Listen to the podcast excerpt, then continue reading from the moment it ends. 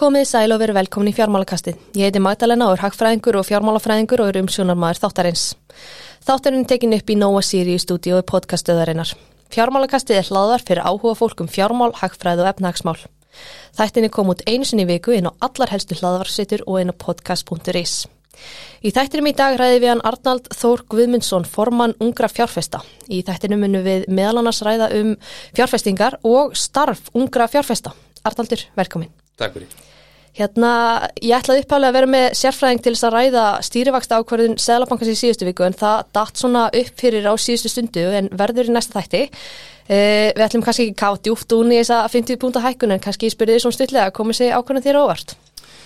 Nei, ekki sem ekki sagt það. Uh, það lág alveg fyrir að, að verðbólgan var að taka við sér á heimsvísu og, og þetta var að smittast hingað heim. Uh, annars er ég sjálfur ekki mikið að pæla í svona lutum uh, í grunninn er ég virðisfjárfestir og, og, og pæli fyrst og fremst er eitthvað félag undirverlegt eða ekki og þá verðal undirverlegt og hvort að stýruvextir hækki um 50-25 punta það, það breytir ekki öllu fyrir mig allavega Nei, einmitt, jæna, við ætlum að ræða fjárfestingar og starf ungra fjárfesta. Já. Byrjum kannski á ungu fjárfestum, svo það sem ég tekið fram þá er ég fræðslustjóðar félagsins og Arnaldur formaður. Uh, jæna, getur þú svona að byrja að segja mér frá starfi og markmiði félagsins? Uh, ungir fjárfæstar eru satt fræðslu samtök fyrir fólk á aldrinum 18 til 35 ára.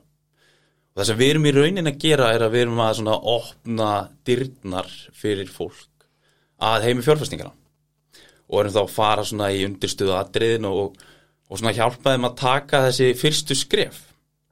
Það er svona grunnurinn að þessu öllu. Einmitt, hérna, getur nefnt svona einhverja áhugaverða viðbyrði sem við höfum staðið fyrir? Já, það er hafa náttúrulega verið margir mjög góðir og, og hérna kannski frægasti eh, sem að kannski fekk mesta áhorfið var í kringu 30.000 mann segir maður rétt, það var þeir fengum heiða Guðjóns Ástis Kristjáns og, og Tryggvaður Herbert til, til að ræða krónuna, hvort að krónan væri málið. Uh, svo hefur verið svona bara með svona sérhaður minni viðbyrði kannski fyrir minni mark og, og svo framvegis. En hérna, já, þetta er kannski svona þekktast viðbyrðin Einmitt, hérna, en þið hafið staðið fyrir fleiri viðbúrin, þannig að kannski við nefnir einhver af þeim. Já, uh, við hefum verið svona, núna på síðkasti svona að fara bara í grundvallaratriðin, vorum núna í HR um daginn, uh, hérna, næstum allt sem við vitum fjárfæsningar og hérna, já, þá fórum við mitt svona yfir að hvað, hver er svona grundvallaratriðin í þessu öllu saman. Einmitt, en hvað er svona döfinni hjá einhver fjárfæstum, hvað er svona framöndan? Það sem við erum að teikna upp núna er í rauninni að, sko, að reyna að hitta fólkið, að reyna að fá að svona taka léttari hittinga og svo framvegis nema þessi, þessi elskulegi faraldur, hann er svona aðeins að, að slá okkur niður hérna, en já, það er svona bara leið og, leið og hérna vírusin leifir, þá, þá tökum við bjóruna krananum og, og, og förum aðeins yfir málinu svona léttari nótum. Einmitt, hérna, þú talaðir á þessum viðbyrði næstum allt sem þú vilt viti fjárfestingar. Eh, það kom fram að þú byrjaðir að fjárfesta mjög ungur, bara svona rétt eftir fermingu, er það ekki rétt? Jú, mikið rétt, mikið rétt. Ég, hérna, ég er einmitt oft spurður á því, hérna, kannski ekki það oft, en, en hver, hvernig varstu fyrst ástfóngin alltaf? Ég segi alltaf, ég var 13 og hún var 75 og þá er ég að vísa sér til Æslandir, það var sér fyrsta fjárfestingi mín. Og það sem gerðist í rauninni, ég vissi ekkert hvað ég var að gera. Kemur að það inn, nýfermdur stút full af vasa fermingafinningum og dæliði mér inn í öllum á Æslandir og veitum en Æslandir gjössanlega text á loft og ég segði öllum í skólanróði að ég var bara stórgræð á Æslandir og svo framvegis og svo kemur það því að félagina er bara sínum allra hæstu hæðum. Í genginu 32 þá kem ég inn bara með allt sem ég á á þeim tíma. Og fyrir þá sem þekki þetta brefa þá náttúrulega snýrist allt við og, og fermingabiningurinn á fljótur að fyrir upp. Og hérna, maður sagði nú ekki mörgum frá þessu þá en hérna, en svona er þetta bara. En þetta er gríðala, þetta er gríðala hérna, lærtumsvíkt fyrir mig og svona, í kjölfarið þá fer ég að kynna mér fjárfæstingar ég, ég vissi ekki þetta ég held ég myndi, þetta er svona það Dunning-Kruger effekt þú mm. byrjar að læra eitthvað nýtt og, og þú heldur bara sér snillingur og svo gjörsanlega sko krassar og kjærst það, ég veit ekki neitt Þannig að hérna, það hefur ekki tölvöld betur síðan.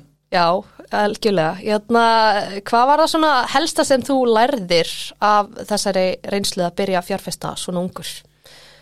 Sko það sem ég lærði fyrst og fremst er það að þetta er leikur uh, sko án tilfinninga.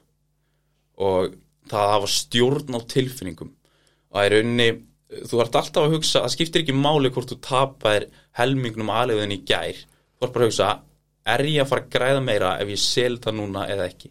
Og þú ert alltaf bara að vera á núlpunkti bara hvernig get ég hámarkað peningam minna miða við bara stöðuna í dag og þá, þá getur ekki verið að hugsa æ, en það er svo sárt að selja ég er þú veist, ég er að selja 50% tapi það er, má- þú mátt ekki hugsa svona -hmm.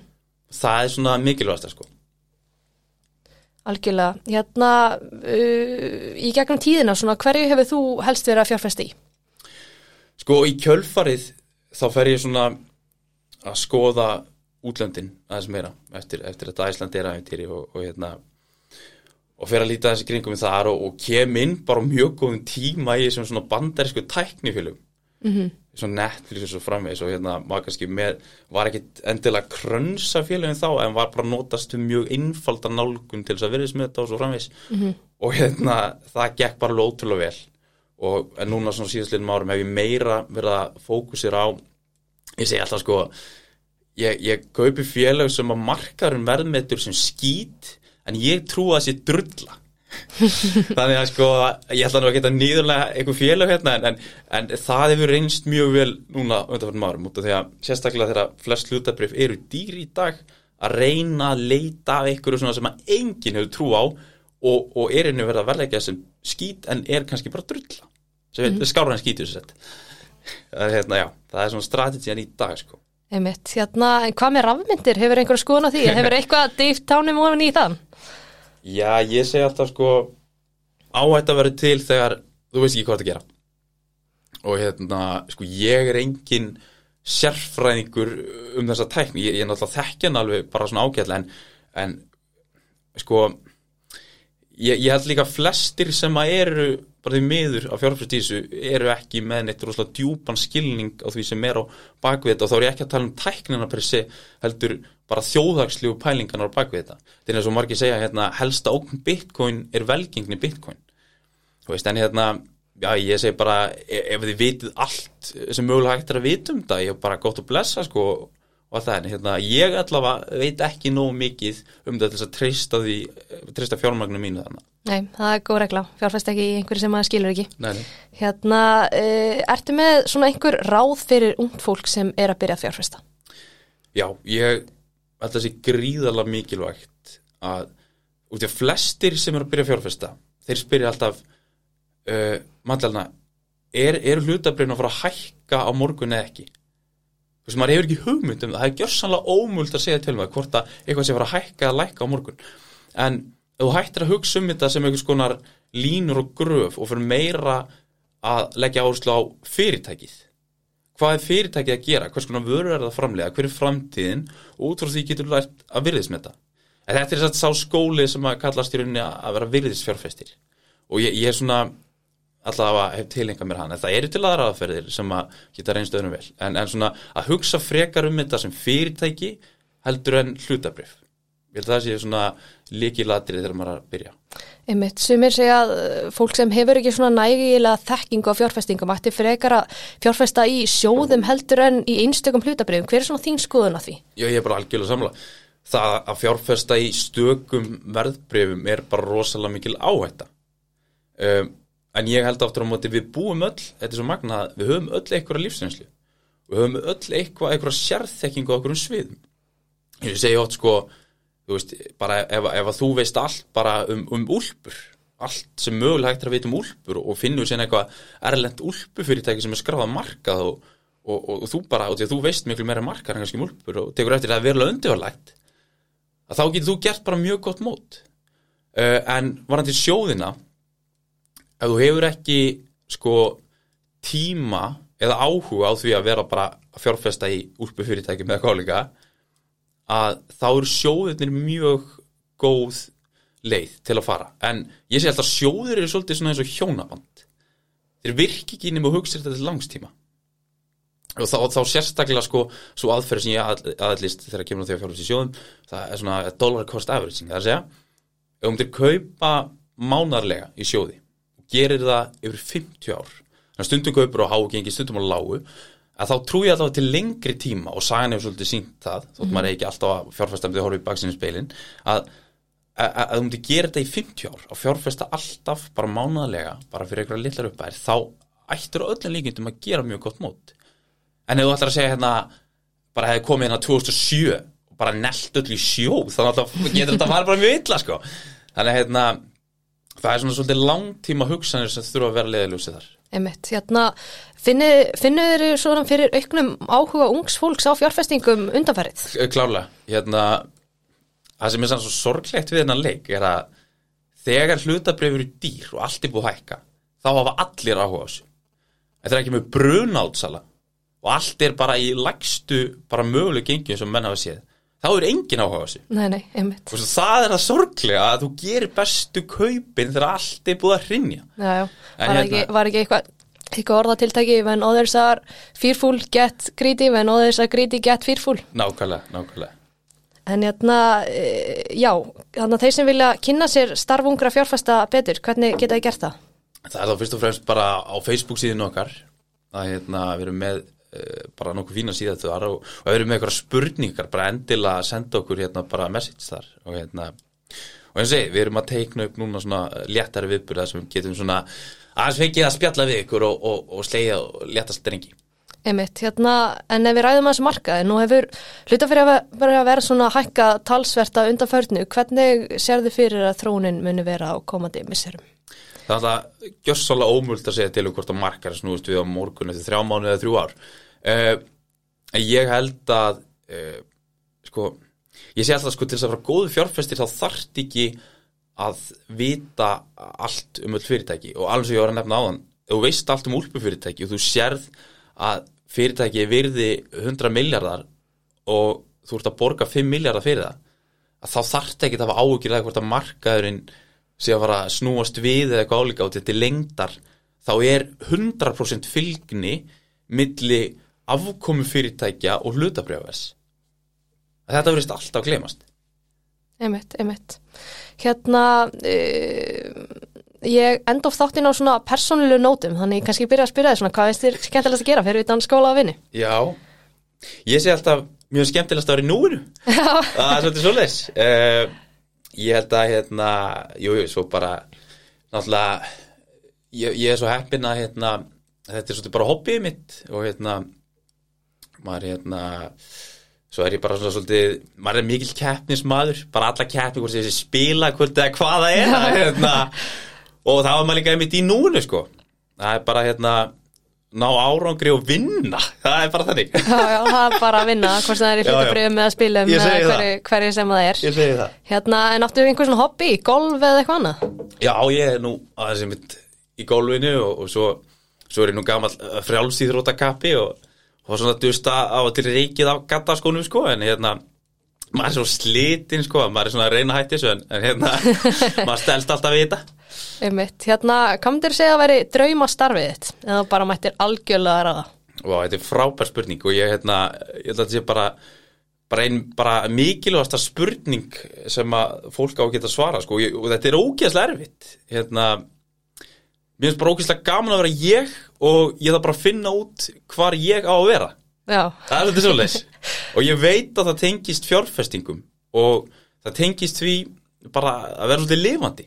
Einmitt, einmitt. Þannig þú ert ekki með svona eitt gól. Jú, ég sko, maður er með nokkra pælingar sko, en maður svona Já, ég, er- ég er á samstað. Já, það er svolítið svoleiðis Algjörlega, hérna, og svo breytist þetta oft. Það Það sem dró, var draumastarið mitt fyrir nokkrum ánum síðan er það ekki lengur í dag. Þannig að það, hérna, þetta, þetta breytist allt saman. Nákvæmlega En hérna, þú talaðir að sem áðan mikilvægi fræðslu þegar kemur á fjárfestingum. Mhm. Ertu með svona einhverja bók fyrir hlustendur fjármálakassins sem þú mæli með, eða bækur?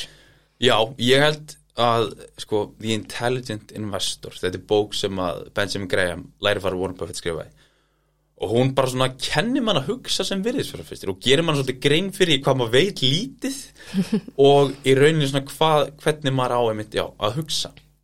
Uh, og svo er til fullt af hérna bókum um bara sem kennar mann að, að virðismeta. Valuation er hérna gott dæmið það en já The Intelligent Investor, það var svona fyrsta bókin sem ég til að lesa. Hvað lærður þú helst að því að lesa The Intelligent Investor? Ég lærði það, sko, einmitt strategían sko að, kaupa félög sem að uh, eru verðlögð eins og skítur en eru kannski drulla. Það, hérna, það var svona helst þessu sko, það farið yfir nokkrar aðferðir sem að, að virka en svona, mér fannst þetta bara svolítið spennandi að svona synda mútið strömmnum og, og, og já vera svona að fara inn í félög sem enginn hefur trúið, mér finnst það bara svo skemmtilegt koncept eitthvað. Já, einmitt. Getur þú kannski sagt okkur svona hvaða félög það eru? Helst? Já, ég, jó, ég, ég hérna Veist, jú, jú, ég hérna, fyrir tveim ránum þá kefti ég hérna í sín á, á 28, það er frábært fjöla, ég er ekki að segja sín sé skýtur, en, en markaðurinn var að verleggja það þannig. Og ég kaupið það hérna, já hérna 28 og þetta er í hvað, 57 í dag eða hvað líka, það, það er svona einn á stærstu fjárfestingunum sem ég hef gert Með svona hvað hva hva aðferðir notur að helst til að vera smetta, hva, hvernig svona gerur þetta? Er, er svona, í hvernig rannsóknarvinnu leggstu í áður eða fjárfestir?